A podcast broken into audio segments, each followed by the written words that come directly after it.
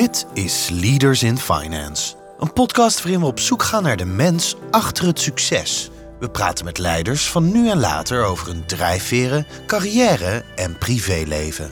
Waarom? Omdat er meer gesproken moet worden in de financiële sector. We willen onze partners hartelijk bedanken voor hun steun. Dat zijn EY, MeDirect, RiskQuest, Kayak en Roland Berger. De kans is heel groot dat het bedrijf waar onze gast werkt al in je portemonnee zit. We zijn echt een speler van formaat op, op, wereldschaal. Dus wereldwijd zijn er zo'n 4 miljard kaarten in omloop. En als je daar de tokens bij rekent, dan zijn er grofweg 10 miljard credentials in omloop. En waar haalt onze gast zijn drive vandaan? Ik wil gewoon alles eruit halen wat erin zit. En dat geldt uiteindelijk voor alles. Voor het team, voor de resultaten die we willen halen, voor mezelf, voor mijn eigen ontwikkeling vind ik het heel belangrijk. En ik geloof ook dat dat alleen maar kan als je nou hetzelfde die drive hebt. En heeft hij tips voor starters? Gebruik die eerste drie maanden om zo vooral zoveel mogelijk mensen te spreken. Maar vraag ook degene met wie je spreekt van wie is nog meer wel handig om contact mee te leggen. Onze gast deze week is Jos van der Kerkhof, Country Manager Nederland bij Visa. Je host is Jeroen Broekema. Welkom bij een nieuwe aflevering van Leaders in Finance. Deze week is de gast Jos van der Kerkhof, Country Manager bij Visa Nederland. Welkom Jos. Dankjewel Jeroen. Leuk dat je er bent en traditiegetrouw begin ik altijd met het spellen van de naam van de gast. Dat is Jos, J-O-S, van de, V-A-N-D-E en dan Kerkhof, K-E-R-K-H-O-F. Zoals gezegd is Jos van der Kerkhof Country Manager bij Visa Nederland. Voor zijn huidige rol fungeerde hij als Director Products and Solutions voor Nederland en Zwitserland en werkte hij in de productorganisatie. Tijdens zijn studententijd was hij oprichter en eigenaar van de Jeans Outlet, een kleine online jeanswinkel. En gedurende zijn studie werkte hij daarnaast ook nog als parttime medewerker bij Vodafone als technical support advisor en sales advisor. Daarna werkte Jos circa 10 jaar in verschillende managementfuncties bij de Royal Bank of Scotland Group en bij ABN AMRO, waaronder als Head of Payments en Open Banking Products. Jos behaalde zijn bachelor in Finance, Management and Organization aan de Universiteit van Tilburg en volgde een master in Supply Chain Management aan de Universiteit van Maastricht. Tot slot, Jos is 37 jaar, heeft een vriendin en samen hebben ze twee jonge kinderen en hij woont in Huizen, in het Gooi. Dan weten we al best wel wat over jou, uh, maar er gaan veel meer over jou te weten komen, hoop ik, in, dit, uh, in deze podcast. En allereerst, en dat weten uh, veel luisteraars van de podcast, zou ik het leuk vinden om Visa Nederland en ook Visa Global uh, neer te zetten aan de hand van de stakeholders. En misschien de eerste vraag is, is Visa in Nederland en wereldwijd uh, qua medewerkers, hoe, hoe, groot is dat eigenlijk? Ja, inderdaad. Ik, ik neem je daar graag in mee. Visa heeft wereldwijd een kleine 28.000 medewerkers en ook in Nederland is dat nu flink gegroeid. Toen ik vijf jaar geleden bij Visa kwam werken, uh, waren we nog met z'n, uh, was ik medewerker nummer vier. En we zijn ondertussen met het eigenlijk kernteam voor Nederland gegroeid naar 25 man. En als je ook kijkt naar organisaties als Currency Cloud en Tink en Token die onderdeel zijn geworden van, van Visa Nederland. En we hebben ook een aantal rollen verplaatst van Engeland naar Nederland. Zijn we nu met zo'n 200 man in Nederland aanwezig. Dus we zijn dat flink gegroeid de afgelopen tijd. En dat komt vooral om op jouw stakeholdervraag te komen, doordat we na het groeien in Nederland, we krijgen in die zin steeds meer klanten, er zijn steeds meer klanten die voor Visa kiezen. En wie zijn dan die klanten, is een logische vraag. Dat zijn doorgaans financiële instellingen. Dus dat zijn banken, dat zijn uh, grote acquirers, dat zijn kleinere acquirers, dat zijn fintechs. Dat zijn ook in steeds uh, grotere mate zijn dat uh, bepaalde merchants die rechtstreeks zaken met ons willen doen. Dus dat varieert eigenlijk. En omdat wij zo groeien, eigenlijk is het natuurlijk ook logisch dat daarmee je organisatie uh, groeit om al die groei te kunnen ondersteunen en die klanten het beste kunnen bedienen. Je zei ik was medewerker nummer 4 en nu uh, nou, circa 200. Wist je dat het zo hard zou gaan groeien? Was jou dat verteld? Van als je in deze job stapt, dan is dit waar het naartoe gaat? Of is het meer een verrassing geweest? Nou, geen verrassing. Het is misschien wel een van de redenen geweest waarom ik voor Visa gekozen heb. Dus Visa als, als wereldwijd bedrijf is natuurlijk best bekend. Hè? Zeker als je, als je ook investeert, dan, dan zal Visa zeker in je bluechip uh, lijstje staan van, van partijen. Um, en ik heb altijd wel geloofd in het potentieel van Visa. Uh, ook zeker voor de Nederlandse markt. En ik, ik wilde heel graag onderdeel zijn van iets dat groeit. En, en ik zag het potentieel voor Visa. Ik zag welke veranderingen eraan zitten te komen. En dan is Visa als, als wereldmarktleider natuurlijk een geweldige plek om te zitten. Uh, wist ik dat het zo hard zou groeien? Nee. Uh, had ik de indruk van ja, hier zou best wel eens wat meer uit kunnen komen. Ja, absoluut. Ja, want uh, je zegt iets over de, over de medewerkers en iets, al iets over de klanten. En misschien op die klanten nog even wat verder voortborduren. Van wat lever je allemaal aan hen? En het maakt natuurlijk uit hè, of je het over banken hebt of over acquirers. Of nou ja, je noemde net een heel lijstje op. Maar wat zijn het, zeg maar, de core producten van Visa? Ja, iedereen kent ons waarschijnlijk als creditcardmaatschappij of misschien als kaartmaatschappij. En dat is nog steeds de kern van wat wij doen, vooral die kaarten. Dus wereldwijd zijn er zo'n 4 miljard uh, Visa-kaarten in omloop. En als je 4 miljard? 4 miljard. En als je daar de tokens bij rekent, dan zijn er grofweg 10 miljard credentials in omloop. Dus, dus we zijn echt een speler van formaat op, op wereldschaal. Um, en dat zijn met afstand zijn dat debitcards. Of in Nederland zijn dat pinpassen. Dus waar iedereen van ons denkt van, god, dit is een creditcard of Visa is een creditcardbedrijf.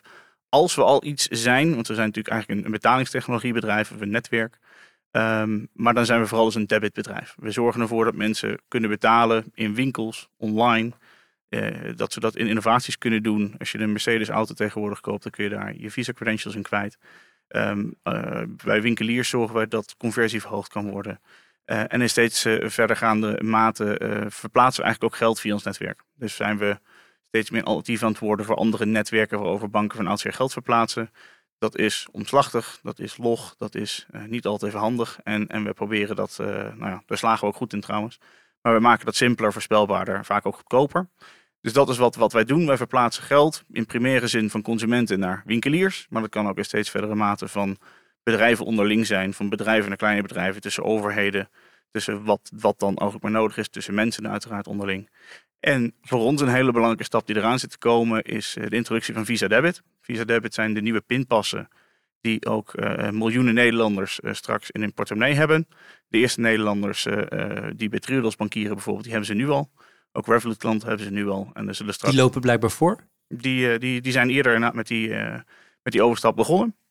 Maar uiteindelijk zullen we miljoenen Nederlanders uh, met, met Visa Debit in hun portemonnee of in hun telefoon of waar ze hem ook maar opslaan, uh, gaan rondlopen. En uh, dat zorgt ervoor dat die, die groei die wij inderdaad verwachten, dat ook in Nederland steeds meer zichtbaarder wordt. Dat Visa onderdeel is van, van nou ja, je dagelijks leven. En die, die debit en dan credit daarbij, cards, is nog steeds het belangrijkste onderdeel als het gaat om de omzet van Visa? Of kun je dat niet zo stellen? Heden dagen wel. Ik bedoel, uh, we hebben uiteindelijk uh, drie groeimotoren of growth engines, zoals we het Engels noemen. Dat zijn consumer payments. Daar valt eigenlijk onze traditionele cards business in. Dat is de commercial and money movement. Dus daar vallen inderdaad de zakelijke toepassingen in, waarbij je als inkooporganisatie gebruik kan maken van, van, van Visa credentials om, om daar te doen. Dat kan ook een, een hotel zijn, die, een boekingsplatform, wat daarmee een hotel betaalt waar je geboekt hebt. En dat zijn inderdaad de alternatieven die ik net noemde, waarin wij geld nou ja, faciliteren uh, over de hele wereld. Waarin we dus via het Visa-netwerk nu, geloof dat we het op 5 tot 6 miljard mensen kunnen wij tegenwoordig bereiken via, via het uh, uitgebreide Visa-netwerk. Dus inderdaad, het is een manier waarop een, een bank of financiële instelling op ons kan aansluiten. En ongeacht wat hij wil doen, kan hij dus via ons 6 miljard mensen bereiken in de wereld. Nou, dat is, dat is niet veel partijen gegeven. Nee, dat is heel bijzonder. En ik was nog even nieuwsgierig, hè, omdat het voorbeeld van die debitcards, je zegt miljoenen Nederlanders hebben straks die kaarten in hun eh, portemonnee zitten. Hoe werkt dat verdienmodel nou eigenlijk voor Visa precies? Ons verdienmodel is, is in die zin heel simpel. En dat vind ik ook een van de krachten van, van betalingsverkeer. Wij hebben allemaal belang bij een gewenste, geslaagde transactie. Dus als een transactie slaagt, dan verdienen wij daar een stukje geld aan. Maar dat geldt net zo goed voor de winkelier, want die heeft zijn, verkoop gedaan. Als consument heb je je goederen ontvangen. Als, als kaartuitgevende instelling ontvang je een vergoeding. Als, als, als, als acquirer, zoals wij hem noemen, of de bank van de winkelier, ontvang je een vergoeding van, van je winkelier. En uiteindelijk zijn wij partijen die die wereld aan elkaar verbinden en verdient dan ook wat. Dus dat, dat streven we ook nadrukkelijk allemaal na. Zorgen dat er zoveel mogelijk gewenste uh, uh, nou ja, transacties plaatsvinden. En wat gewenst is, dat is natuurlijk voor iedereen anders. voor de een is dat uh, sky is the limit, want ik heb geld genoeg. Voor anderen is het, nee, het moet passen in, mijn, in, in de means die ik heb. Voor andere mensen betekent dat het moet de meest duurzame manier. Nou ja, dat, dat, dat maakt het juist ook leuk en interessant. Uh, maar ons verdienmodel werkt inderdaad op, dat nou, als het transactie plaatsvindt, dan verdienen wij een stukje aan. En hoe doe je dat nou? Uh, ervoor zorgen dat het in miljoenen portemonnees terechtkomt. Dat betekent dus dat je deals met die banken moet sluiten, neem ik aan. En die, die kunnen kiezen uit een paar partijen, neem ik aan. Ja, dat klopt. Hoe, uh, hoe komt het dat jullie nu die miljoenen mogen doen? Nou, wat, wat we natuurlijk zien is dat op zich iedereen die in betalingsverkeer werkt, die kent Visa wel. En, en waarschijnlijk ook heel veel mensen buiten Visa, omdat het gewoon een grote organisatie is. En als je naar sport kijkt, Olympische Spelen bijvoorbeeld, dan zie je natuurlijk Visa voorbij komen. Dus dat is een naam die mensen wel kennen.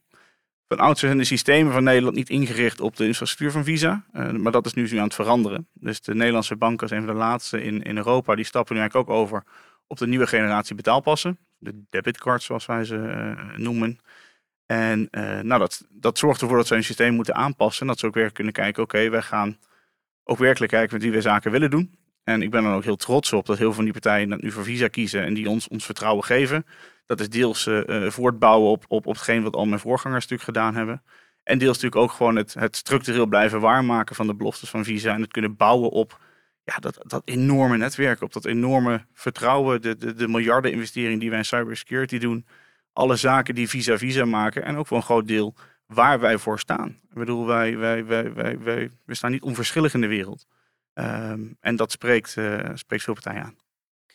De bredere organisatie, waar, waar zit de, de, de HQ, het hoofdkantoor? we hebben uh, tegenwoordig geen uh, headquarters meer, maar we hebben een Market Support Center. Dus er wordt heel nadrukkelijk vanuit de top van Visa onderkend dat het doet ertoe hoe het lokaal gaat. En het is dus ook centraal. Ik was op onze, ons, ons boekjaar begint op 1 oktober. Ik was in de eerste week van oktober ook in San Diego. Ons hoofdkantoor ons Market Support Center, dat staat in, in, in San Francisco trouwens. Maar we hadden een kick-off in Amerika aan de West Coast.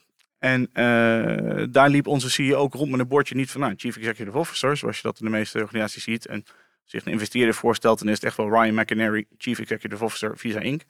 Maar daar nadrukkelijk was hij uh, uh, Chief Market Support Officer. Het is aan hem zijn muggen om mensen als ikzelf, mensen het team met die ik werk, en natuurlijk mijn collega's over de hele wereld te helpen succes mogelijk te zijn, succesvol mogelijk te zijn. Uh, met al die verschillende klanten die wij, uh, die wij bedienen. Betekent dat je veel vrijheid hebt in Nederland om je eigen koers te bepalen? Ja, eigenlijk wel. Ja, kijk, het is duidelijk waar Visa heen wilt. Dus, dus in die zin, daar ontstaat niet heel veel discussie over. En daar geloof ik ook echt wel in dat het de goede kant is. Maar hoe je dat inricht, ja, nadrukkelijk is dat iets waar, waar ook heel veel ja, vrijheid verwacht wordt eigenlijk.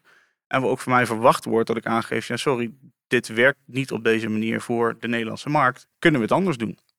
En dan soms ook wel eens zo van, ja sorry uh, vrienden in Nederland, maar als je wil dat internationaal interoperabel is, als je wil dat jouw klanten wanneer ze naar Thailand gaan ook kunnen betalen, of wanneer jij in die Mercedes auto het wil gebruiken of in Click to Pay het wil omarmen, dan, dan, dan zul je mee moeten in wat de internationale standaard is. Dat is een soort laveren tussen die twee. Maar heel nadrukkelijk wordt er mij gevraagd van hoe wij het lokaal willen oplossen. Heel duidelijk. Als je kijkt naar toezicht op jullie, waar, waar val jij onder? Onder welk toezicht? Wij hebben uh, een aantal toezichthouders. Dus we zijn vanuit de uh, Nederlandse bank erkend als ja, settlement institution. Maar in het Nederlands heet het een geldafwikkelingsinstelling uit mijn hoofd. Dus daar hebben we een licentie voor. En ehm, op Europese schaal staan we als, als visa onder toezicht van, van vier toezichthouders. Dat zijn de Europese Centrale Bank.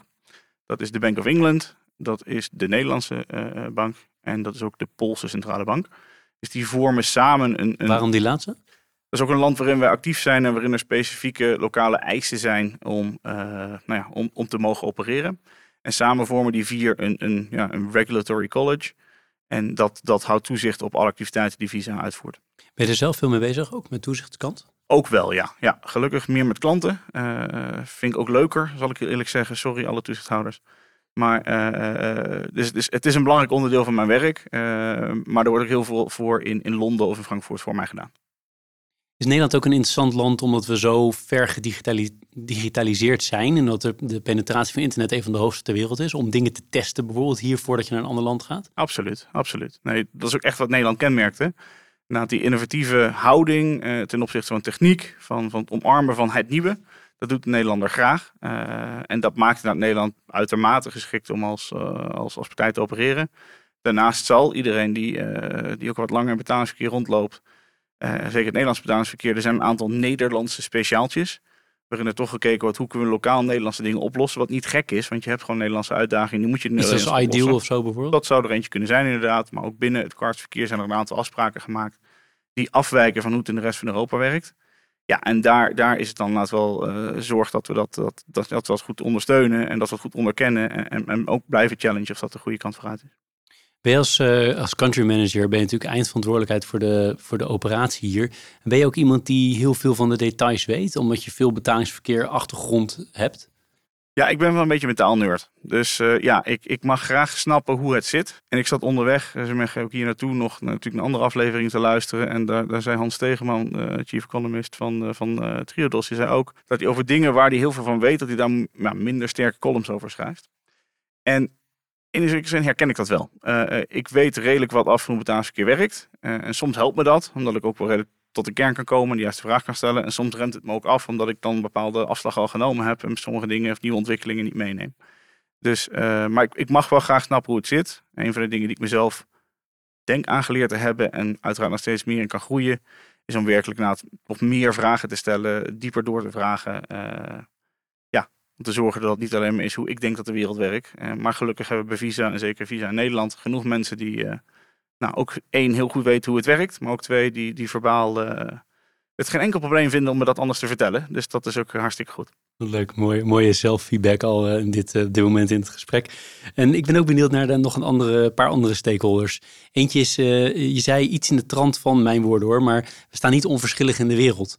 Wat bedoel je nou eigenlijk precies mee? Dat is misschien de stakeholder samenleving. Ja, nee, precies. Kijk, kijk, bij Visa hebben we een purpose. Zoals heel veel bedrijven een purpose hebben. En die van ons is to uplift everyone everywhere by being the best way to pay and be paid. En dat klinkt heel hoogdravend, maar dat proberen we ook echt in te vullen. Dus we, wat voor ons heel belangrijk is, is inclusie, acceptatie. Nou, dat uiten we op verschillende manieren. Uh, zoals onlangs een, een, samenwerking met Yours heeft gestart. Daar kunnen uh, asielzoekers uh, ook gewoon deelnemen aan het Nederlandse betalingsverkeer. Dat is een stukje inclusie wat we doen in de rest van de wereld of andere delen van de wereld, daar werken we aan soortgelijke initiatieven waarin wij uh, kleine ondernemers helpen om te digitaliseren. Tijdens corona was dat natuurlijk heel belangrijk. Als je een, en daarna trouwens ook, maar uh, als je een winkel had in corona en dat was het hem. En opeens slaat dat allemaal toe en je bent al je inkomstenbronnen kwijt. Hebben we ook gezegd, oké, we gaan 50 miljoen bedrijven, kleine ondernemers wereldwijd, helpen in die transformatie naar digitalisering. Hadden kunnen zeggen, ja, sorry, dan koop ik maar bij Amazon of wat anders. Nee, wij vinden het belangrijk dat we kunnen bijdragen aan, aan die kleine ondernemers. En daar zijn we dus ook goed in geslaagd. Hadden ons voorgenomen, we gaan het met 50 miljoen doen. Uiteindelijk hebben we er 67 miljoen kunnen, kunnen helpen. Dus daar, slaan we, daar slagen we ook echt in. En het laatste is ook, het is een sponsorship voor ons, het, het vrouwenvoetbal. Maar we waren wel de eerste die het deed. We waren wel de eerste die gewoon op corporate niveau zei, vrouwenvoetbal is één, natuurlijk gewoon een goed middel om, om, om je commerciële doelen te halen. Maar ook, ja, daar zou je ook andere dingen voor kunnen sponsoren. En, en wij hebben gekozen voor vrouwenvoetbal. En, en dat uh, is gewoon een keuze omdat we vinden dat in dit geval vrouwen ook empowered moeten worden. Inclusie moeten hebben, meegenomen moeten worden. Je hebt het ook bovenaan je LinkedIn staan volgens mij, hè, dat plaatje. Is het ook omdat je het zelf voetbal zoveel leuk vindt? Of, uh... Ik ben ook groot voetbalfan. Ja, ja inderdaad. Dat, uh, dat, dat zeker ook. Welke club hoort erbij? Daar hoort de beste club van Nederland, het Eindhoven, bij. Dus de, ja, maar mijn achternaam ook niet zo heel. De Philips Sportvereniging, ja Van der Kerkhof heet en mijn vader is tegenover het stadion geboren, dan. Uh, en, en in mijn, ik ben niet zo super oud, 37. In mijn carrière heb ik niet voor lange tijd, maar uh, carrière, in mijn, mijn uh, zolang als ik leef, heb ik lange tijd kunnen zeggen dat PSV het vaakst kampioen is geworden van alle clubs sinds 1986. Dus dat, nou goed, ik hou graag van juichen. Dus heb je ook familieleden die voetballer zijn geweest? nou, ergens is het een klein beetje diffuus hoe het nou precies zit. Maar ik weet wel dat ooit toen mijn opa, die is ondertussen overleden met ziekenhuis lag, dat toen René en Willy van de Kerken van wel zijn komen bezoeken. Dus uh, uh, ergens nou ja, zal er iets van een link zijn, hoe het exact Interessant. Ik, denk, ik dacht, ik lees niet of je dat met CK schreef of niet meer goed. Nee. Nou, zover is mijn voorbereiding niet gegaan. Um, dat is het vrouwenvoetbal. En wat ik daar interessant aan vind uh, in die maatschappelijke rol, is dat je aan de ene kant daar dus ook wel een soort van politiek statement mee maakt. Zeker in de Verenigde Staten liggen dit soort dingen natuurlijk ook wel weer uh, ook wel weer heel gevoelig. Is dat ook al elke keer een afweging bij jullie intern van hoe politiek willen we worden? Kijk, uiteindelijk zijn we geen politiek bedrijf. Ik bedoel, uiteindelijk zijn wij een, een, een, een, een, een netwerk waarover ondernemers en consumenten en, en, bedrijven geld kunnen verplaatsen. En dat is uiteindelijk onze plek in de wereld. Dat is een, een plek die we, die, we, die we innemen en die, die we uitstekend invullen, denk ik. Uh, maar dat is uiteindelijk wel waar het om draait voor ons. Als we kunnen kijken hoe kunnen we een positieve impact maken op de wereld, dan nadrukkelijk doen we dat wel. Uh, maar je zal ons niet inderdaad horen zeggen van uh, stem met z'n allen wel of niet op Joe Biden of wel of niet op, Joe, uh, sorry, op Donald Trump of op een ander. Dat is niet onze rol. Dat is ook niet wat, wat, wij, wat wij beogen. Uh, in die zin willen en zijn we daar natuurlijk ook in die zin neutraal in. Duidelijk. En op duurzaamheidsgebied, is daar veel te doen voor jullie? Ja, ontzettend. ontzettend. En want je bent geen investeerder in principe. Je bent vooral de, de, ik noem het maar even de rails, waar alles op, alles, alles op draait. Je hebt een hele zware publieke functie eigenlijk, hè, terwijl je een commercieel beursgenoteerd bedrijf bent. Uh, maar wat, wat kun je op sustainability gebied doen? Kijk, we kunnen een hele hoop dingen zelf doen en we kunnen een hele hoop dingen stimuleren en aanjagen. En, en, in beide kanten moet je het zien. Dus we hebben natuurlijk al lange tijd, we hebben enorme datacentra en, en dat soort zaken. Die hebben natuurlijk al lange tijd eh, gewoon uh, volledig groen en, en, en sustainable energie en dat soort zaken. We kijken nadrukkelijk naar hoe kunnen we überhaupt de footprint van iedereen uh, reduceren. Dus kunnen we zorgen dat we nou, makkelijker met technie, technieken omgaan. Dat we minder hoeven te vliegen, dat we minder hoeven te reizen en dat soort aspecten zitten eraan. Maar we hebben nou ook introducties die we doen, samenwerking die we bijvoorbeeld met, met Ecolytic in, in, Europa gevormd hebben waarin we de samen ook inzichtelijk maken. En Rabank heeft dat onder andere geadopteerd nu in, in haar eigen app. Waarmee we het inzichtelijk maken van, van wat is nou eigenlijk de uitstoot die je hebt. En in deze fase zitten we natuurlijk op een ontzettend accurate, maar wel inschatting. Um, en uiteindelijk, we proberen dat door te ontwikkelen om te zorgen dat die inschatting steeds ja, dichter bij wat het werkelijk is. En dat mijn 25 euro Albert Heijn heeft misschien een andere footprint dan jouw 25 euro op Albert Heijn. En dat zijn de zaken waar we aan werken. Maar je moet wel ergens beginnen. En die, die, dat begin hebben we zeker gemaakt. En zo investeren we in die zin ook in, in andere partnerships waarin we nou ja, uh, een betere impact op de wereld willen maken. Maar als je het een beetje, uh, bijna cynisch zou ik uh, willen zeggen, zou willen stellen, zijn jullie wel gebaat bij zoveel mogelijk transacties en zoveel mogelijk groei in de economie, misschien wel zoveel mogelijk materiaal, materialisme, omdat dat elke keer, elke transactie is gewoon voor jullie uiteindelijk een, een, een flinterdunne marge, maar is wel een marge. Wij, wij hebben er in die zin, als je puur economisch naar kijkt, werkt het model zodat wij baat hebben, maar nogmaals bij een gewenste uh, transactie. Dus dat is voor ons een hele belangrijke. Uh, als een transactie in die zin uh, niet meer gewenst is, dan, dan is het ook niet meer in die zin ons belang om dat naar elkaar te ondersteunen. Misschien wel een financieel belang, maar niet meer in het grotere belang en in die purpose die we, die we actief ook nadragen. Um, en, daar kijken we dus ook, daar kijken we dus ook nadrukkelijk naar. Hoe kunnen wij stimuleren dat mensen het juiste gedrag vertonen? Hoe kunnen we stimuleren dat je een veiligere manier van betalen kiest? Hoe kunnen wij tokenization, wat voor ons ook een technische uh, belangrijk stuk is, hoe zorgen we ervoor dat mensen dat makkelijk omarmen? Dat je daarmee het totale ecosysteem veiliger maakt, beter maakt en dat soort zaken. Dat, daar, daar, gaan, daar zijn we heel actief mee bezig. En wellicht, en dat is vandaag nog niet aan de orde, maar ik sluit niet uit dat dat misschien in de toekomst wel uitgebreid wordt ook naar andere elementen waarin we proberen te stimuleren om het juiste te doen voor de maatschappij, voor de wereld. Maar nogmaals, dat is niet vandaag. Dit is Leaders in Finance met Jeroen Broekema nog één stakeholder met je langslopen en dat is uh, concurrentie. Want jullie schakelen op zo verschillende borden. Hè? Als tech-provider, als kaartenprovider. Nou, we hebben een aantal dingen al de revue laten passeren. Maar wie zie je nou uiteindelijk als concurrenten? Je hoeft niet per se namen te noemen, maar wat voor soort partijen? Ik denk dat, dat er, uh, er zijn meerdere manieren om geld te verplaatsen over de wereld. Er zijn meerdere netwerken zoals we dat hebben. Nou, een, een, een logische, die kan ik ook bij naam noemen, want dat zal andersom ook gebeuren. Natuurlijk Mastercard, waar iedereen uh, ons, ons naar kijkt en mee vergelijkt. Maar feitelijk elke manier waarop je in die zin geld kan verplaatsen, is, is in die zin een concurrent kan dat zijn. In veel gevallen is dat ook gewoon een, een, een, een partij die onze technieken gebruikt. Dus uh, dat is ook het leuke van betalen. Uiteindelijk, als je eenmaal weet hoe het werkt, dan, dan, dan snap je dat. En daar heb je echt wel wat tijd voor nodig. Maar dat is ook niet onmogelijk. Het is gewoon geen, geen uh, rocket science. Uh, maar uiteindelijk gaat het er wel om hoe gaat dat speelveld zich ontwikkelen. En zo zijn er een aantal technieken die wij ontwikkeld hebben, die andere misschien zou je ze kunnen zien als concurrerende netwerken, gewoon van ons afnemen. En die zeggen, nou joh, jullie hebben dat gebouwd, jullie hebben dat goed voor elkaar, jullie hebben cybersecurity, daar investeren jullie 10 miljard in in de afgelopen jaren. Uh, nou, waarom zouden we dat in godsnaam zelf bouwen? We nemen dat voor jullie af. Ja, dus jullie zien jezelf ook graag als een netwerkorganisatie. Je gebruikt het woord eerder al, maar dat, dat is waar je, je probeert eigenlijk overal een onderdeel van het netwerk te zijn. Je ziet want ik kan me voorstellen dat in jouw business de, de ene dag is die en die partij een concurrent en de volgende dag is het je collega, hè, denk ik. Zo werkt dat. Toch? Iedereen is van elkaar afhankelijk. Ja, inderdaad. Helder. Ik ben nog wel nieuwsgierig naar um, Chinese platformen of uh, andere Aziatische platformen. Want kijk, hier kennen we alle Amerikaanse partijen zoals jullie. Um, maar er zijn natuurlijk gigantisch grote Chinese partijen waarvan ik de naam niet eens weet. Zien jullie dat op termijn ook echt als uh, global players worden zoals uh, jullie zijn? Dat zou kunnen. Ik, ik, ik, ik ja, wat ik zeg, het, het, zou kunnen. We hebben onder andere zelf nu een samenwerking aangekondigd. Uh, uh, vorige week was dat. In waarin we samenwerken met een van de grootste Chinese wallets. Waarin we dus nu geld kunnen verplaatsen vanuit het Nederlandse of het Europese of het Westerse betaalsysteem. En of dat nou op een, een girale overboeking is of een cardsbetaling. Maar we kunnen geld verplaatsen nu naar die wallets in China en vice versa. Dat zijn ook manieren waarop we in die zin samenwerken en ook van hun distributiekracht uitgaan Omdat we er wel echt in geloven dat hoe meer mensen kunnen meedoen aan die wereldeconomie, hoe beter het is. Voor die wereldeconomie als, als, als geheel, voor die mensen uh, individueel en in die zin ook voor onszelf. Het zou kunnen dat ze nou, in, in, qua merknaam ook in Nederland uh, en in Europa groter worden. Het zou kunnen dat dat niet zo is. Dat maakt in die zin ook zo leuk om met betalen te werken. Het kan in die zin alle kanten op.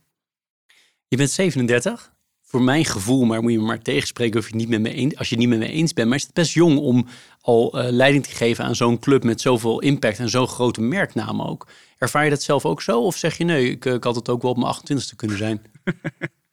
Uh, uh, nee, ik, ik denk, ik, ben relatief jong. Dat, dat merk ik inderdaad wel in, in gesprekken die ik voer en met andere mensen die na het zien van, goh, wie is dat dan? En dan, oh, oké, oh, ben jij dan? Oké. dan krijg ik nou opeens meer aandacht. Dat, dat Vind ik vaak grappig. Soms stoort het me. Maar, en zou ik het op 28 gekund hebben? Nee. Zo simpel is het ook. Um, ik ben in die zin ook wel heel dankbaar voor een aantal leidinggevenden die ik gehad heb. Uh, en zeker ook mijn huidige leidinggevende. Dat die het vertrouwen hebben uitgesproken van nou, we zien Jos dat wel doen. We zien, we zien wel in Jos dat hij dat kan. We denken dat hij de mensen kan meenemen. Dat hij, dat hij communicatief, communicatief uh, vaardig genoeg is. Dat hij het team kan motiveren, dat hij onze klanten kan overtuigen, dat hij het kan laten groeien. En dat is ook het stukje wat, wat, waar ik heel erg in geloof. Ik, ik geef zelf ook heel veel vertrouwen aan de mensen met wie ik werk. Iemand werkt voor mij, maar je werkt met mij. Uh, en ik werk met anderen en ook niet voor een ander. Um, en, en, dat gaat op basis van het vertrouwen. En dat vertrouwen krijg ik inderdaad van boven. Zoals ik dat eerder in, in, in stappen bij ABN AMRO heb gekregen. En zeker zin ook bij RBS heb gekregen. Dat men altijd heeft gezegd, nou, we geloven wel dat hij het kan. We gaan het wel zien. Je bent het nu een tijdje, dus ik kan me voorstellen dat je nu nog wat meer zelfvertrouwen hebt. Maar op die dag één, of misschien die min 10, toen ze, eh, of min 50 dagen dat ze vroegen of je dit wilde gaan doen. Had je toen zoiets van, uh, dit kan ik, dit doe ik meteen bam? Of je, moest je er even over nadenken en was het erg spannend? Nee, ik heb wel gedacht dat ik het kon. Dus uh, ik heb in die zin ook zelf van mijn hand opgestoken van, joh, hey, als ooit een keer die plek vrijkomt, nou, dan hou me in gedachten dat ging allemaal iets sneller dan ik zelf had gedacht. Maar op zich dat ik, dat ik deze kant op wilde, dat was in die zin ook wel uit, uit eigen beweging. En nogmaals, dan kan ik dat leuk zeggen. Maar als de rest van de organisatie zegt, ja, we zien het je niet doen, dan houdt het heel gauw op. Dus ik heb het vertrouwen gekregen en, en ik denk ook dat ik dat waar maak. En die eerste tijd is inderdaad heel, ja, een beetje onwennig. Het is nog steeds een beetje gek om te horen, ja, Jos wil dit en daarom doen we het. En dan denk ik, ja, dan gaat ergens in mijn communicatie niet goed. Want het feit dat ik het wil alleen is niet genoeg. Het, moet zijn wat ik je heb kunnen uitleggen waarom ik dat wil en waarom dat dan het beste is. En ook als dat niet het beste is, dat degene dat andere tegen mij zegt. Dus dat zijn van die, van die stukjes waar, waar je aan moet wennen. Dat je niet een andere plek inneemt in, in, in de groep. Dat je uh, wat anders gezien wordt. En in, in het begin ook echt wel, uh, dan ga je praten met inderdaad uh, C-level bij verschillende klanten.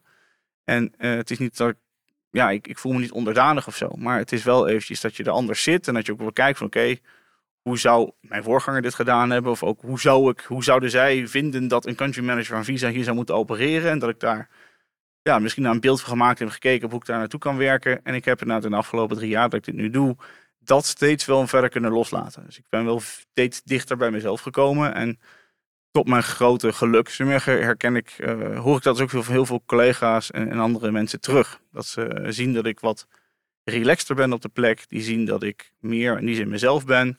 Ook wel iets rustiger ben geworden, iets minder gejaagd ben geworden. Um, en, en ja, daar ben ik natuurlijk heel blij mee. Dat dat enerzijds ja, mijn vertrouwen in die zin in mezelf daarin is gegroeid. Maar in die zin wel altijd in een ja, toch enigszins uh, gedachte, ja, ik kan dit wel. Uh, anders had ik me niet moeten aanmelden. Ja, want wat is dan de belangrijkste tip aan, aan jezelf van iemand anders die in die positie komt van nou ja, meer een, uh, een, een, iets meer, nou ja, minder zware functie dan dat je nu bekleedt, die die stap gaat maken naar die, naar die country manager of CEO of hoe je hem ook wil noemen? Nou, een stuk wel voor jezelf na het gevoel hebben van ik kan dit. En ook als de rest van de club, uh, mijn collega's, mijn leidinggevende, uh, niet de vertrouwen had ik dit niet kon, dan hadden ze me dit ook niet gegeven. Dus uh, dat ik dat bedenk is, is, is niet... nou, er zijn meer mensen die er zo over denken, dat denk ik een hele belangrijke. Hoe kun je er zelf op voorbereiden? Ja, door maar zoveel mogelijk ook met mensen te praten, na te gaan. Een klein stukje ook het accepteren dat, nou ja, we doen het onszelf maar. Uh, we proberen zelf maar even uh, te achterhalen van wat er, wat er al moet gebeuren. En, en in die zin een klein beetje, uh, ja, ik doe maar wat en ik hoop dat dat het beste is. Klinkt misschien niet minder elegant dan het, dan het is. Maar dat vertrouwen heb ik wel. Ik, ik ga het proberen op te lossen. Als het niet zo is, dan, dan, dan zijn er genoeg mensen om me heen wie ik het kan vragen. Ehm, zo is in ieder geval hoe ik er tegen, nu tegenaan kijk. Ik las eh, een leuk interview bij MT Sprout in voorbereiding op dit, eh, op dit gesprek. En er zijn een paar dingen die ik daar leuk vind om uit te halen, maar eens wat verder uit te diepen. Allereerst eh, zeg jij in het interview, dat is een quote, dus ik neem aan dat dat goed gequote is, maar mijn optimisme en gedrevenheid. En dan komt er nog heel wat achteraan. Maar het gaat me even om die twee woorden. Want je bent, je vindt jezelf een gedreven iemand, denk ik, of niet? Ja. ja. Hoe komt dat en waar zit hem dat in dan? Ik wil gewoon alles eruit halen wat erin zit. En dat geldt uiteindelijk voor alles. Dus dat geldt voor, voor, voor eh, het team, uh, voor de resultaten die we willen halen, voor mezelf, voor mijn eigen ontwikkeling vind ik het heel belangrijk. En ik geloof ook dat dat alleen maar kan als je nou hetzelfde drive hebt. Je, als je gaat wachten op een ander om dat voor je te doen, dan ga je dat niet, dan ga je dat niet bereiken. En dat, dat vind ik belangrijk. Het woord optimisme staat er inderdaad nog voor, omdat ik wel geloof dat het op een positieve manier moet.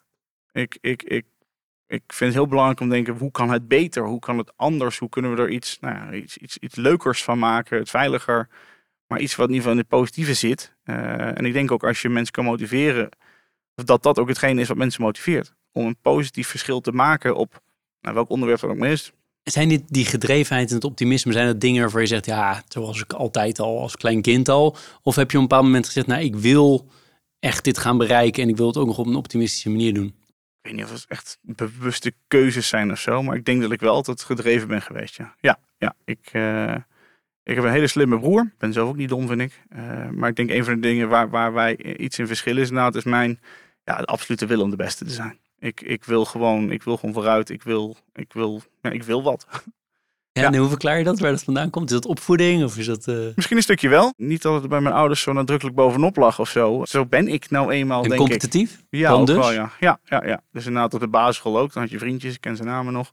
Maar inderdaad, wie had als eerste zijn weektaak af? Ja, dat was voor ons een belangrijk ding. Wie kon de, de moeilijkste boeken lezen? Dat was een belangrijk ding. En ik, ik hou van voetbal, dat heb ik je net verteld. Uh, ik ben er zelf, ik heb het ook jarenlang gedaan. Ik kan er alleen helemaal niks van. Uh, mijn broer kan heel goed voetballen. Dus uh, uh, nou goed, misschien is dit de manier geweest om dat toch een klein beetje dan recht te zetten. Hey. Mooi, mooi. Het is misschien wel de competitie met je broer ook. Ja, wie weet. In datzelfde artikel heb je het ook over wat je net eigenlijk ook al aanhaalde. Dat je best wel iemand bent die in de kern uitgaat van vertrouwen. Ik ben laatst bij een lezing geweest van Rutger Bregman. Die heeft dat boek geschreven, De meeste mensen deugen. kan je daarin vinden, De meeste mensen deugen? Ja, ja heel nadrukkelijk ja. ja. Kan je toelichten? Ja. Nee, kijk, ik geloof echt dat mensen in, in de basis goede dingen willen bereiken, goede dingen willen nastreven, de juiste dingen willen doen. En als dat nou mensen zijn die, die bij Visa werken en die het beste voor hun klanten willen doen, of dat het mensen zijn in algemene zin die willen bijdragen aan een betere samenleving. De vrijwilligers die ik zelf toen voetbalde en met een muziekvereniging tegengekomen, iedereen die wil op zijn fijn, uh, haar manier uh, bijdragen aan iets goeds. En ik denk echt dat dat bij het overgrote merendeel van de Nederlanders en trouwens van de mensheid in zijn algeheel, dat dat aanwezig is. En als je daar ook een beroep op doet, dat je één, een hele grote kans hebt dat je dus raak schiet. En twee, dat je ook iets aanboort, wat mensen, uh, ja, wat, wat ze motiveert. Dat betekent ook dat je irriteert aan mensen die wat uh, cynischer erin zitten en in de kern uitgaan dat mensen niet te vertrouwen zijn en daarna wel pas vertrouwen geven als ze dat verdiend hebben in hun ogen? Ik, ik denk dat ze vooral zichzelf tekort doen ik denk als je daarvan uitgaat, dat, dat dat ook weer op jezelf, dat dat terugkomt. Dat is voor boemerang. Als je ervan uitgaat van jullie zijn toch allemaal niet te vertrouwen, dan zal je alleen maar vervolgens gaan zien dat mensen niet te vertrouwen zijn. En ik weet niet of één, of je daar heel gelukkig van wordt, maar twee, of je daar ook überhaupt verder mee komt. Of dat, of dat het beter maakt, of dat het jouw doelen wel uh, stelt. Terwijl nou, mijn ervaring is dat je, als je uitgaat dat mensen naar het juiste nastreven. En dat betekent niet dat je naïef moet zijn of dat je maar je ogen moet sluiten of het zal allemaal goed komen. Maar wel de basis moet hebben van, joh, als mijn collega's iets eraan en zeggen, we gaan dit doen. Ik neem mezelf voor, ik zou het in principe met 95% van alles wat jullie zeggen, moet ik het eens zijn. Dat is mijn basisbeginsel. En na die 5% waar ik dan twijfel, of waarbij is, nou dan ga ik uitzoeken waar die twijfel zit. Is dat mijn, mijn technische kennis? Of is dat nou, mijn eigen ego? Is het mijn iets anders? Of heb ik inderdaad gewoon iets gezien wat zij niet hebben meegenomen? Of wegen we het wellicht anders? Dan hebben we daar een gesprek over. Maar ik vind het wel belangrijk om uit te gaan van dat vertrouwen, ja. Je wel eens teleurgesteld geraakt in mensen waar je dacht van... hé, hey, ik heb je het vertrouwen gegeven, je hebt het toch beschaamd? Tuurlijk, tuurlijk. Dat, dat, dat hoort erbij. En, uh, maar op die momenten, dan zeg ik ook tegen mezelf... ja, en daar staat tegenover dat ik waarschijnlijk 900.000 man... zijn het vertrouwen heb gegeven en die hebben het waargemaakt. En uh, nou ja, daar ben ik dan een stuk gelukkiger mee. En kun je dit mensen ook uh, soort van, kunnen mensen dit zich eigen maken? Stel je zit wat nou, kritischer erin. Als je mensen leert kennen, je wat minder van het vertrouwen geven. Die mensen die moet je ook om je heen hebben, niet 200 man die bij je werkt. Kun je mensen daar een beetje op coachen of is dat toch vooral een karaktereigenschap? Een beetje van beide. Uh, hoe mensen in het leven staan, ze zeggen, dat is ja, ook hoe zij in het leven staan. En natuurlijk probeer ik zelf het uit te dragen en, en, en zelf ook soms wat te prikkelen en te doen. En anderzijds ook, ik bedoel, die mensen zijn ook niet gek. Ik bedoel, we hebben ontzettend veel goede mensen die bij ons werken.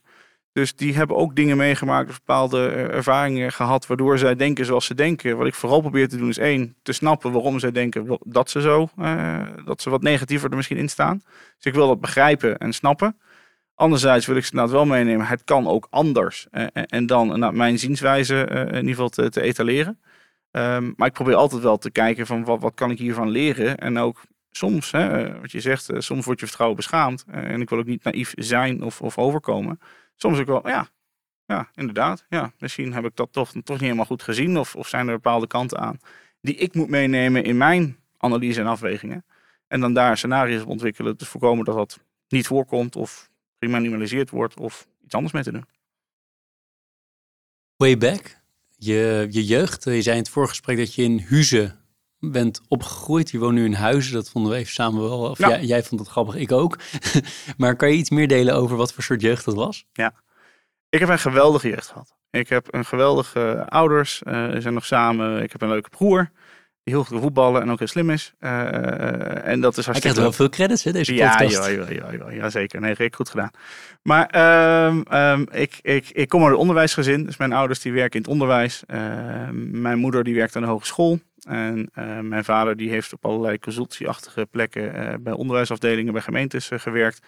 En daarnaast ook een rol gehad in de zorg voor, nou voor, voor, kinderen op middelbare scholen waar, waar extra zorg voor nodig was. Dat is hij zorgcoördinator geweest. En, en dat is mij meegekregen, is meegekomen. En ook al mijn grootouders, allemaal onderwijs. Dus in die zin, ik kom echt uit een onderwijsgezin. Mijn broer, mijn ouders, die hebben allemaal psychologie of een orthopedagogiek achtergrond. En ik ben dan de gek die het economisch ben, ben gaan doen. Uh, maar daar dus wel eigenlijk alle ruimte altijd in gekregen. Mijn ouders die geloven er heel sterk in dat je je moest ontwikkelen. Dat je je het cognitief moest ontwikkelen, dat je je sociaal-emotioneel moest ontwikkelen, dat je je situationeel moest ontwikkelen, maar eigenlijk dat je ontwikkeling op allerlei mogelijke manieren, dat dat, dat, dat heel belangrijk is. En daar geloof ik zelf ook in. Ik, ik, mijn kinderen zijn vier en vijf, dus het is allemaal nog een klein beetje een andere fase natuurlijk. Maar ik probeer hen ook inderdaad mee te nemen in dat sommige dingen die voor ons gewoon zijn, niet gewoon zijn voor anderen. Maar ook dat je naar je best moet doen op school. Uh, maar dat ook belangrijk is dat je naar vriendjes kan maken, dat je daarmee gaat spelen. Dat ze op plekken komen waar ze anders niet zouden komen. Dat zijn, dat zijn hele belangrijke dingen die bij ons in de jeugd uh, waren. En ik het laatste stuk is dat mijn ouders die zijn, die zijn heel gelijkwaardig. Dus mijn moeder had haar, haar werk, mijn vader had zijn werk. En, en dat was ook alle twee belangrijk. Dus ik heb ook geleerd, vanaf mijn twaalfde moest ik één dag in de week koken om de zorgen mee te draaien. Ik kan strijken, ik kan alle dingen doen die, nou ja, die erbij horen, die ik ook vind dat bij een moderne uh, man in mijn geval uh, ook horen. Ja, dat zijn wel dingen die ik van thuis heb meegekregen. Dus hebben jullie in je huidige relatie ook uh, mate van evenwichtigheid daarin gevonden? Ja, nee, zeker. Ja, absoluut. Nou, ja, mijn, mijn vriendin Suzanne, die, die, die heeft zelf ook haar goede carrière. Zij, zij is VP bij Aal Delhaize. Ze heeft ook een ontzettend uitdagende baan. En het is voor ons echt het balanceren van hoe wij, hoe wij ehm, omgaan met de kids, hoe we omgaan met hoe Ja, want hoe manage je dat? Want dat is best wel even vanuit jouw perspectief dan primair nu, want ik met jou spreek. Uh, hoe, hoe, doe je dat met jonge kinderen en deze drukke banen en, en, en je vrouw die ook een uh, zware, zware functie bekleedt? Ja, dat is, dat is onze grote puzzel. Dus uh, we, we, we, brengen de kinderen drie keer in de week gaan ze naar de buitenschoolse opvang. Of voorheen natuurlijk nog gewoon naar de kinderdagopvang. Eén dag in de week zijn de opa's en oma's er. En één dag in de week zijn Suzanne en ik die, die elkaar afwisselen. Maar voor ons betekent dat wel, dat was dan altijd vrijdag, dat als zij op vrijdag thuis was, dat ze op zaterdag werkte. En voor mij hetzelfde. Dus als, als ik op vrijdag thuis was bij de kinderen, dan werkte ik op zaterdag om alsnog alle dingen te doen. En zo proberen we de boel in die zin te balanceren, maar ook ruimte te maken voor nou, haar carrière, voor, voor haar stappen. Ze is geweldig getalenteerd. Dus ik wil ook echt dat zij die stappen kan zetten en dat ik op geen enkele wijze een belemmering ben voor de dingen die zij voor zich ziet. Net zozeer als dat zij er voor mij niet is. We, we, we, maken dingen voor elkaar mogelijk. En daar zijn zijn, zijn begrip en, en, en die zijn ook inlevingsvermogen. En het is ook wel fijn dat ze natuurlijk een, een, functie heeft waarbij ze heel veel raakvlakken heeft met, met de dingen die ik doe. het omgaan met, met, met, met zaken op je werk. Of het nou met, met medewerkers is of met, met uh, politiek of andere dingen. Kijk, wij kunnen in die zin wel aan elkaar uh, spiegelen. We zijn ook een beetje elkaars coaches. Die een beetje keukentafelcoaching noem ik het maar eens. Ja, nee, absoluut. Ja, ja. eens. Ja, absoluut. Nee, er zijn heel veel dingen die ik, die ik naast van haar, uh, van, van haar leer. En er zijn ook heel veel dingen die ik, waar ik haar meer probeer, bij, probeer bij te helpen. En dat, dat werkt voor ons heel goed. Heb je nog tips voor, voor andere jonge ouders? Nou, wat je nou wel niet zou moeten doen om dit te managen? Want jullie doen het wel redelijk op topniveau. Uh. Ik, uh, ik, ik zoek vooral nog naar tips. Ik vind, ik vind het heel ingewikkeld. Het is oprecht onze privé, onze moeilijkste puzzel, hoe we al die dingen bijeenbrengen. En dan nog tijd voor elkaar hebben. Dan nog tijd voor elkaar hebben. En inderdaad, uh, ik wil ook echt mijn kinderen zelf opvoeden. Dat vind ik ook gewoon belangrijk. Dus ik vind het niet van, ja, dat heb ik uitbesteed en ik zie ze wel een keertje s'avonds. Dat vind ik ook niet belangrijk. Uh, meegaan naar het zwemmen of naar andere sportactiviteiten vind ik ook heel belangrijk dat we dat kunnen doen. Dus dat is onze grote puzzel. Dus laat vooral een oproep zijn. Als je daar een idee hebt uh, hoe we daarbij beter kunnen omgaan, dan hoor ik ze graag. Ja, mooi. Je luistert naar Leaders in Finance met Jeroen Broekema.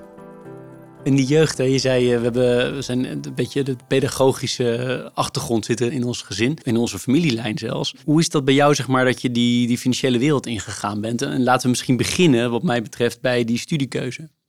Nee, precies. Nou, ik, ik wil nog één stapje daarvoor als je het niet erg vindt. Uiteraard. Ik ben uh, na mijn vijf VWO uh, ben ik een jaar naar Amerika gegaan. En dat is voor mij een, een, een, ja, daarin ben ik compleet getransformeerd. Ik ben daar een stuk met een stuk meer zelfvertrouwen uitgekomen. Uiteraard mijn Engels is verbeterd. Uh, maar die hele American way of life, dat, dat is wel echt onderdeel van, van, van wie ik ben geworden. Of in ieder geval Waar zat je? Ik zat in de staat New York. Dus uh, wel helemaal in het noorden, dus tegen Buffalo aan. Uh, Richmond of zo, daar in de buurt? Of? Nou ja, Buffalo, Rochester. Bo oh, dat, was Buffalo, oh, ja, ja, ja, precies. Ja. Dus, uh, dus nou, het helemaal tegen, nou, tegen de, de, noordkant van, van Amerika aan. Dus er viel genoeg sneeuw. Maar gewoon die, die, die, die positieve kijk op zaken, dat, dat heeft mij ontzettend geïnspireerd. En dat ben ik wel, dat is onderdeel geweest van wie ik ben. En daaruit ook inderdaad wel de, de, de, de, nou, een stukje autonomie krijg je natuurlijk ook gewoon in zo'n jaar. Ik heb daarna een jaar thuis gewoond. Dat ging op zich goed, maar ik was wel echt anders dan nou, toen ik vertrok. Niet zo gek ook, denk ik. En uiteindelijk heb ik wel altijd interesse gehad in economie. Vanaf mijn twaalfde heb ik mijn vader geholpen met wat administratie en belasting en giftes en al die dingen die ook moeten gebeuren. Dus dat ik uiteindelijk, en ik was goed in economie op school, dus dat ik uiteindelijk die economische kant op ging, was denk ik voor niemand een verrassing. Uh, voor mijzelf uh, nog het minst, denk ik. En uh, werd in die zin ook vanuit thuis gewoon echt gestimuleerd. Van ja, dat past bij jou. ga het ook vooral doen. En nou ja, ga er maar kijken waar we dat het beste kunnen doen. Dus ik ben een aantal universiteiten wezen bekijken met, met mijn ouders. En uiteindelijk toen gekozen voor Tilburg. In dat jaar in Amerika, want je begon er zelf over van dat moet er nog even in. Dat is heel belangrijk voor me geweest. Ja. Daar ben ik echt getransformeerd. Dat woord gebruikt je. Um, was dat jouw eigen idee of had je ouders dat bedacht? Want op 5 VWO zijn niet heel veel kinderen, want zijn kinderen eigenlijk nog, die bedenken om dan even een jaar weg te gaan bij hun ouders, toch? Nee, nee. Of was je onhandelbaar of zo moest je weg? Nee, ik hoefde gelukkig niet weg. Nee, nee, nee, absoluut niet. Nee, ik was. Uh, we hebben een Amerikaanse jongen bij ons in huis gehad.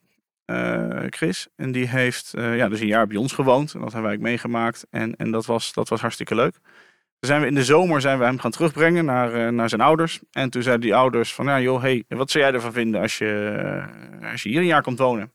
Toen dacht ik, ah, leuk, het allemaal wel en whatever. Maar dat is eigenlijk een beetje toch gaandeweg een beetje gaan knagen. En ik zat in 5 VWO. Ik was met afstand de jongste in mijn klas. En, en nou, iedereen was bezig met alle dingen waar ik nog niet zozeer mee bezig was. Dus het was voor mij ook in die zin een goed moment. Uh, het moest dan ook wel dan, want anders zou hij ze met het huis thuis gaan verlaten. Dus als ik zou willen, dan moest het na nou ja, 5 VWO. En daar heb ik me toen uiteindelijk, uh, ik weet nog de dag dat ik de aanmeldformulier in de briefbus deed. Ik dacht, wat, wat doe ik nou eigenlijk?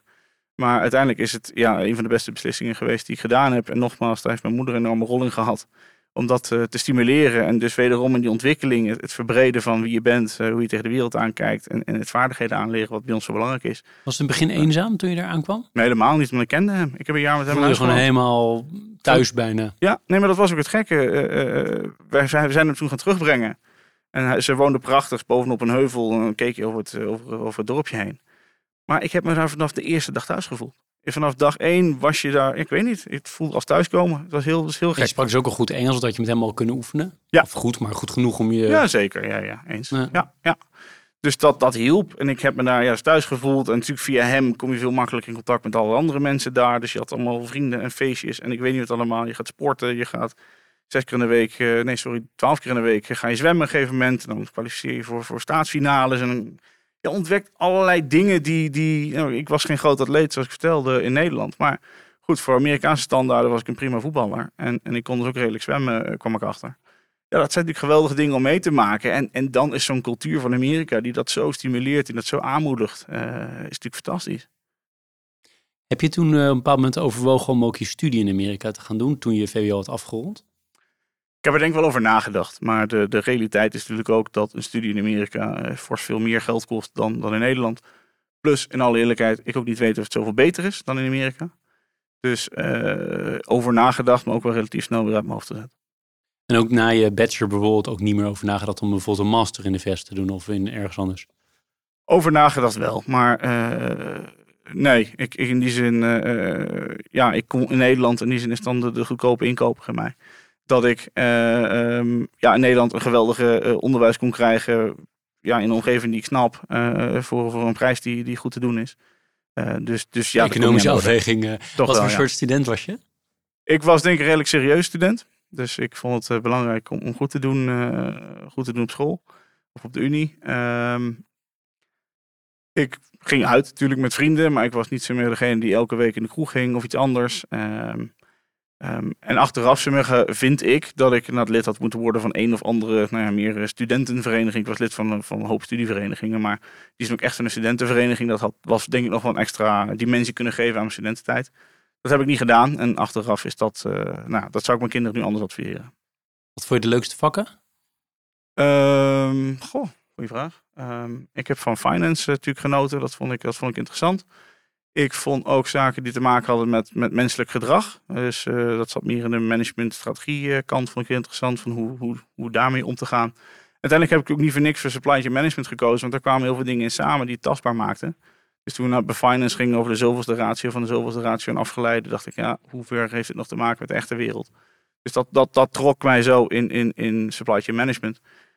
En daar, daar heb ik ook heel van genoten. En vooral het inkoopstuk daarvan, wat ik uiteindelijk ook bij afstand studeerd. En daar ben ik ook RBS in gaan werken in het begin. Ja, dat heeft me aangetrokken, het commerciële spel, maar dan vanuit de inkoopkant. eh, dat vond ik hartstikke leuk. Je ging tijdens je studie ging je van Tilburg naar Maastricht, hè? Dat was ook wel even weer een hele andere plek, geografisch gezien, hè? Ja, klopt. Wat, hoe kwam je daarbij dan? Nou, ik, ik, ehm, wat Maastricht fijn maakt. Tilburg is een geweldige, eh, geweldige universiteit, maar het is in die zin wel wat klassieker. Dus je had inderdaad eh, zes tot acht vakken tegelijkertijd. Eh, en dat kan heel goed werken. Wat voor mij nog beter werkt, om van feitelijk zes tot acht weken aan twee tot drie vakken te werken. En dat dan ook af te sluiten en door te gaan. Dus ik merkte dat mijn eigen schoolprestaties die zin omhoog gingen door, door in Maastricht te studeren. Plus ik, ik, ik, ik, ja, ik had er gewoon mijn lol in. Ik vond het gewoon leuker om op die manier te werken. Het, probleem, eh, het probleem oplossend, dat heeft een andere naam, ik ben de naam kwijt. Maar het case gestuurd eh, leren wat Maastricht eh, omarmt. Ja, dat ligt mij wel. Eh, dan ga je het over echte problemen bij echte organisaties praten en ga je toepassen. En eh, dat was leuk.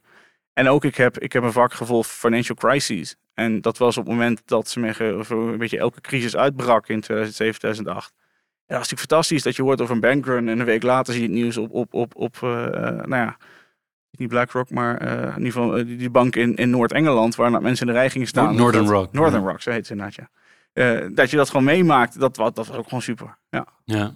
Ja. Hoe kwam je dan uiteindelijk bij die eerste baan terecht? Je noemde net al even die, die inkoop, die procurement, dat commerciële spel vond je interessant, maar heel praktisch. Hoe kwam, dat vind ik altijd nieuwsgierig hoe die overgangen zijn. Ja. Hoe kwam Ja. je daar eh, terecht?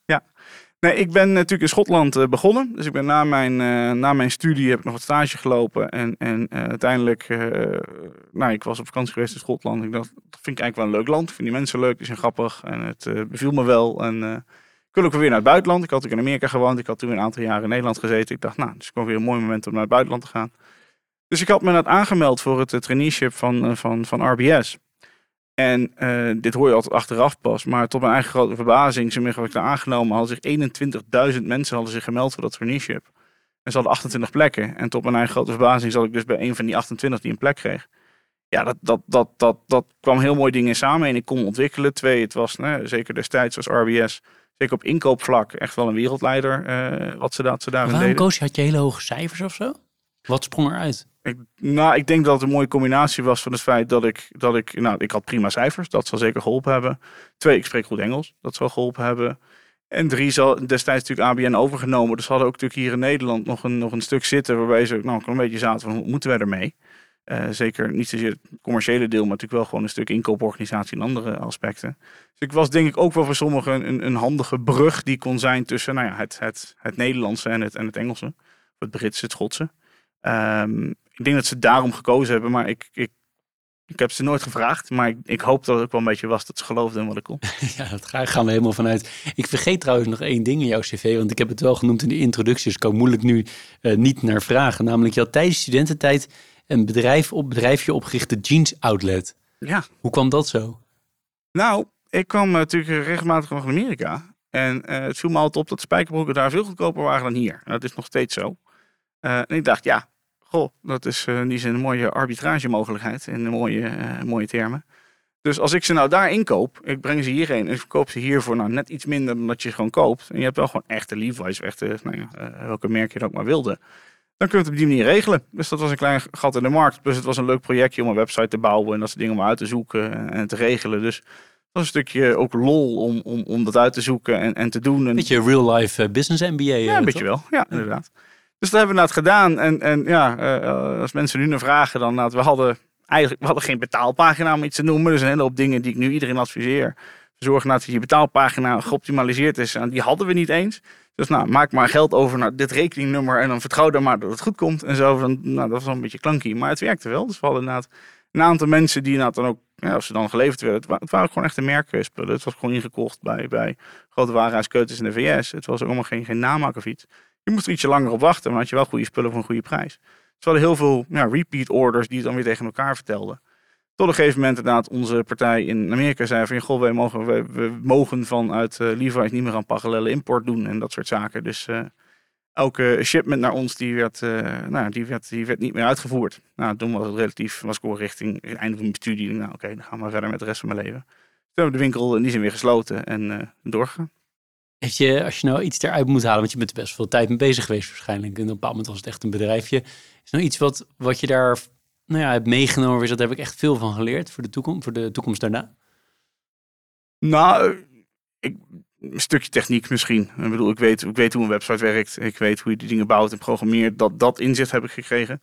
Kijk, wil ik niet te groot maken. Ik bedoel, het gewoon een bedrijfje waarin we wat, wat spijkerbroek importeerde. Die weer in een doos stopte met een briefje erbij. Ach, goed, maar hoeveel studenten doen dat? Dat weet ik niet. Minder dan inderdaad uh, die, die het wel doen. Maar het, het, het, ja, heb ik eruit gehaald. Gewoon maar proberen en kijken wat er gebeurt. En dan zien we het wel. En uh, het ging goed zolang het goed ging. En uh, ik heb bij het sollicitatiegesprek wel eens gehad van... Ja, waarom heb je het dan niet anders opgelost? Ja, dat vond ik toen eigenlijk ook al een hele goede vraag. En het, eigenlijk alleen maar omdat ik toen ja, echt aan, aan mijn echte werkende leven begon. En dacht, nou ja, het is nu eigenlijk al een heel goed moment om ermee te stoppen. Want het was dus ook niet een moment waar je dacht, ik wil echt ondernemer worden? Nee, nee, nee, nee, nee, nee. Dat was niet ook. Ik bedoel, daar waren ook de volumes en de orders niet naar. En ik had gestudeerd en ik wilde een traineeship gaan volgen. En in die zin een, een, een wat uh, ander pad gaan, uh, gaan, gaan nemen. Dus dat was destijds ook niet zozeer voor mij uh, aan de orde. Ik had dat competitieve wat je eerder vertelde ook wel kunnen weten. Want in de voorbereiding las dat je bij die, in die bijbaan bij Vodafone, die je ook hebt gehad, dat je ook geloof de hoogste sales target had. Ik weet niet waar we het hebben opgepikt, maar ergens online. Dus daar zat het er al diep in. Je wilde daar ook wel gewoon laten zien wat je kon. Ja, er was al eentje die nog beter was. Maar uh, inderdaad. Ik was niet je broer, toch? Dat was niet mijn broer. Nee, nee, nee, nee. nee, nee, nee. Maar uh, nee, ik, ja, wat ik zeg. Op een gegeven moment vond ik ook wel grappig. als je in zo'n winkel werkt van Vodafone in mijn geval. Dan kom je er ook achter dat naar bepaalde klanttypes dat dat meer jou, jou, jou, waar je gewoon meer aan verkoopt. Dus inderdaad, als er een of ander jong meisje binnenkwam lopen, dan gingen al die hippe jongens die er ook werkten, die, die richtten zich daarop. En die gingen alle Blackberries en alle dingen doen. Dat was gewoon niet mijn target audience. Maar omdat ik ja, gewoon wat, ouder ben, wat serieuzer ben, misschien een iets betere, uh, ieder geval eloquentere woordenschat heb dan een aantal van die collega's, waren inderdaad ja, vrouwen van 40 plus. Dat, dat was nou, daar, daar, dat, dat, die gaf ik kennelijk vertrouwen dat ze bij mij prima een telefoon konden kopen. Dus daar had ik gewoon een grotere succesratio op. En als je dat eenmaal weet, ja, dan ga je dat natuurlijk uitzoeken. Dan zorg je, oké, okay, als ik binnenloop, nou, dat is niet van mij. Dan dat een collega erheen gaat en denk ja, hey, die, die is voor mij. Daar, uh, daar ga je dan op richten. Ja, want dat benader je, dat is wel interessant in dit gesprek. Hè? Je benadert dat soort dingen nog best rationeel eigenlijk, hè? Achteraf. Zie, zie je zelf als een heel uh, rationeel iemand die dat zo berekenend doet? Of, want je ziet ook wel iemand die met heel veel gevoel hier zit. Ik probeer een beetje te vinden van, benader je dingen heel rationeel of meer gevoelsmatig? Of ja, beide waarschijnlijk. Ik denk allebei, allebei. Ja. Dit is die verklaring die achteraf is van gewoon, waarom doe ik nou eigenlijk wat ik doe? Dat is eigenlijk wat, wat het meer is. En dat mag ik wel graag aan mezelf vragen. Van, van wat is nou, wat, wat zorgt er nou voor dat ik ja, wat ik doe, wat ik doe. En, en dan kom ik tot deze conclusie wanneer het gaat over mijn, mijn Vodafone tijd. Maar alle dingen die ik doe, zeg maar, die speel ik in mijn hoofd nog een keertje terug. Van, goh, hoe zou dat zijn overgekomen op jou, Jeroen? Of wat zullen mijn klanten hiervan denken? Of hoe zal mijn medewerkers uh, nu naar huis gaan? Of met welke boodschap, whatever. Ik speel heel veel dingen in mijn hoofd terug. Om ook te kijken van, goh, wat, wat, wat is hier gebeurd? En twee kanten op. Hè? Van enerzijds, wat kan ik hier een volgende keer anders aan doen en beter aan doen? Maar ook net zo belangrijk, wat, wat, wat ging hier goed? Dus wat moet ik vaker herhalen? Omdat het kennelijk tot succes leidt. Ja. ja, je komt op mij ook over als iemand die heel erg open staat voor, voor feedback. Om te horen wat mensen ervan vonden. Kan me heel, goed uh, voorstellen. Maar blijkbaar weet je dat wel zo te doen dat je, je speelt het terug in je hoofd. Maar je blijft niet malen daarover. Je kan er wel mee omgaan. Dus ook als mensen zeggen van ja Jos, dit heb je gewoon echt uh, bij wijze van spreken helemaal verkeerd aangepakt. Dat klopt. En, en, en dat gebeurt natuurlijk ook wel eens. Dat ik het compleet verkeerd heb aangepakt. Dat mensen me dat vertellen. En dan bedank ik ze vooral dat ze dat verteld hebben. Maar in die zin, ik accepteer ook voor mezelf dat ik fouten maak. En ook sommige dingen, die heb ik gedaan. Daar kan ik niks meer aan veranderen. En ja, dan kan ik daar heel lang mee gaan zitten. Uh, maar dat maakt het niet beter en ook niet anders. Dus ja, laat het dan maar lopen. We hebben bij Leaders in Finance altijd een, uh, een pleaser en een teaser. Nou, de pleaser, ja, tot mijn, het deed mij deugd dat jij een aantal afleveringen hebt geluisterd. Dus de pleaser gaat altijd over een boek. Gaan we zo even aan jou, aan jou vragen of je die, die hebt. maar aan de teasende kant hebben we opgeschreven, het volgende is altijd aan de zakelijke kant. Hè? Uh, bedrijven als Visa, maar laten we even Visa nemen nu omdat je dat uh, vertegenwoordigt, zijn zo groot en zo cruciaal voor de, eigenlijk voor de hele samenleving. Hè? Omdat de hele rails waar het op draait, waar de economische systeem op draait, uh, is zo belangrijk dat het eigenlijk gewoon net zoals andere publieke voorzieningen, als ik het zo mag noemen, gewoon in publieke handen zou moeten zijn. Niet in, in handen moet zijn van, van aandeelhouders die private aandeelhouders die gewoon op de beurs uh, actief zijn, zou niet gewoon een publieke instelling moeten zijn, Visa? En partijen zoals Visa? Ik, ik, denk niet dat we bereikt hadden wat er nu bereikt is, als dat het geval zou zijn geweest. En zeker voor een bedrijf als Visa, wat natuurlijk in zoveel landen opereert. Hè. We hebben natuurlijk uh, ondersteunende betalingen in, in meer dan 200 landen en, en territories, zoals we het dan zo mooi noemen, in 165 valuta. Dat had je denk nooit kunnen bereiken als je dan maar de lokale instelling van, van, van noem maar willekeurig land, Peru of de Filipijnen of Amerika of Nederland voor dat matter, dat allemaal aligned moet worden. Dat, dat, dat zou zoveel innovatie hebben tegengehouden. Dat zou het zoveel moeilijker hebben gemaakt voor als jij op reis gaat en daar gewoon je ijsje wil halen bij die Italiaanse, Italiaanse eh, gelato-zaak. Ja, dat is niet wenselijk. En in die zin uh, zie ik dat ook echt voor Visa. Wij, wij staan natuurlijk onder heel streng toezicht. Uh, niet alleen in Europa, hebben we het over gehad, maar dat geldt ook in meerdere plekken in de wereld. Dat is denk ik ook terecht. Inderdaad, we hebben een, een, een functie die belangrijk is. Um, daar wordt naar gekeken. Die rol nemen we denk ik zelf ook nadrukkelijk heel serieus. Dus wij, wij investeren natuurlijk die miljarden in, in innovatie, in, in veiligheid, maar ook in betrouwbaarheid. Uh, ons, ons netwerk heeft een, een uptime van, van zes negens achter de komma. Dus 9, 9 en dan nog een keer zes negens erachteraan. Dus de laatste tijd dat we eruit waren is, is honderden maanden geleden. Ze zeggen dat het visa-netwerk niet gefunctioneerd heeft. We hebben de hoogste cybersecurity rating van welk bedrijf in de wereld dan ook. Dus in die zin, we nemen onze taak ook serieus. Uh, uh, en ik zie ook geen, geen, ik zie geen verbetering als dat ze me ge, ge, ge, zeg je dat, publiek zijn geworden. Helder.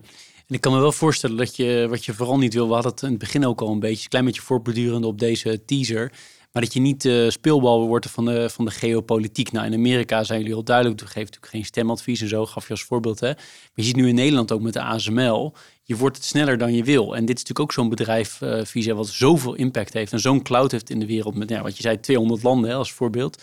En territories. Um, maar dat, dat lijkt me ook nog wel spannend. Als in dat geopolitieke geweld tussen die grootmachten... is Visa natuurlijk wel een hele belangrijke speler. Ik weet niet of we zo'n belangrijke, grote, uh, belangrijke speler zijn in, in, in, het geopolitieke stuk. In die zin, uh, wat wij doen, doet ertoe. Uh, maar inderdaad zijn wij inderdaad degene die, die als ASML machines maakt die cutting edge alles neerzetten. Dat denk ik niet. bieden wij de meest veilige manier om te betalen en betaald te worden? Ja, dat denk ik wel. En is dat belangrijk voor een goed functionerende economie? Ja, dat denk ik ook. Um, maar uiteindelijk, ja, ik denk door de dingen die wij doen en de keuzes die we maken en te laten zien waar we voor staan en de betrouwbaarheid die, daar, die erachter zit, dat men er ook mag van uitgaan. En, en dat maken we dus dagelijks waar. Dat we dat ook gewoon op een goede en, en deugdelijke wijze zullen blijven invullen. Trouw is alles, zoals altijd in de financiële sector en, en in, de, in de wereld waarschijnlijk. Um, aan de pleasende kanten lees je graag. En ik heb in het voorgesprek al een klein beetje voorinformatie hierover gehad, dus ik ga het toch even, toch even aan je vragen.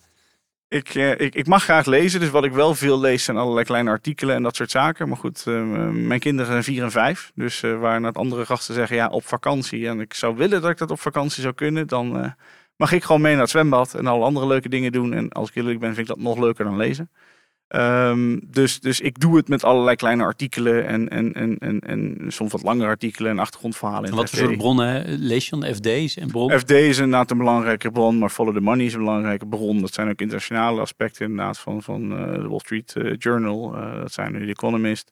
Maar dat zijn ook sommige podcasts die ik luister van, van, van BNR, die inderdaad zakelijk van relevant zijn.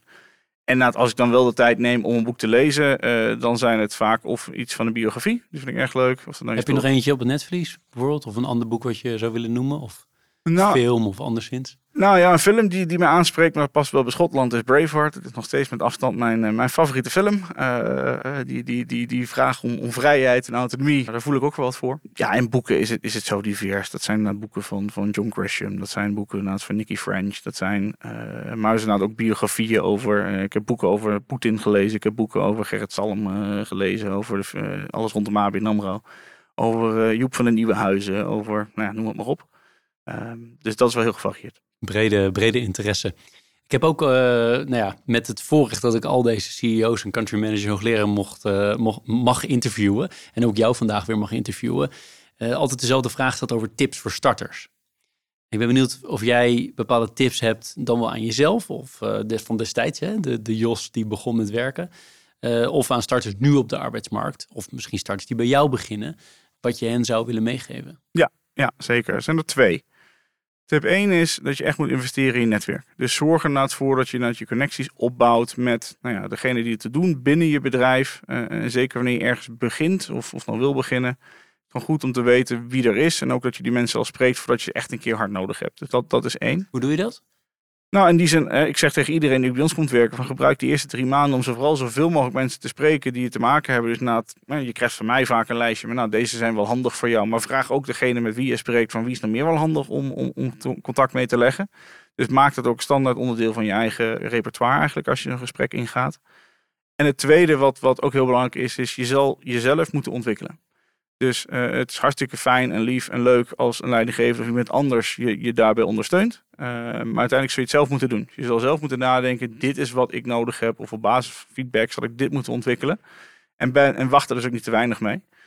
En ik neem mezelf soms kwalijk dat ik veel werk. En ik neem me andere momenten ook wel eens kwalijk dat andere mensen minder uh, hard werken. En dan vervolgens ook klagen dat ze bepaalde kansen niet krijgen.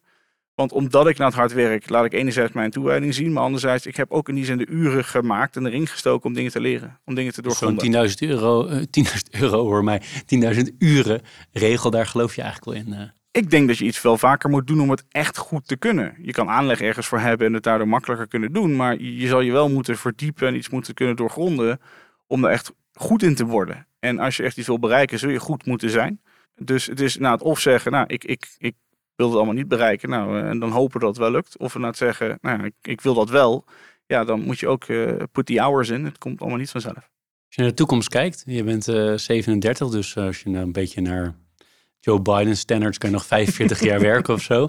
Zijn er dingen waarvan je zegt dat zou ik heel gaaf vinden? Kijk, het, simpele antwoord is ja, ik ben nu helemaal committed in mijn huidige functie. Dat, die snap ik. maar op de wat langere termijn zijn er dingen waarvan je zegt dat zou ik heel gaaf vinden als ik die kans zou kunnen pakken?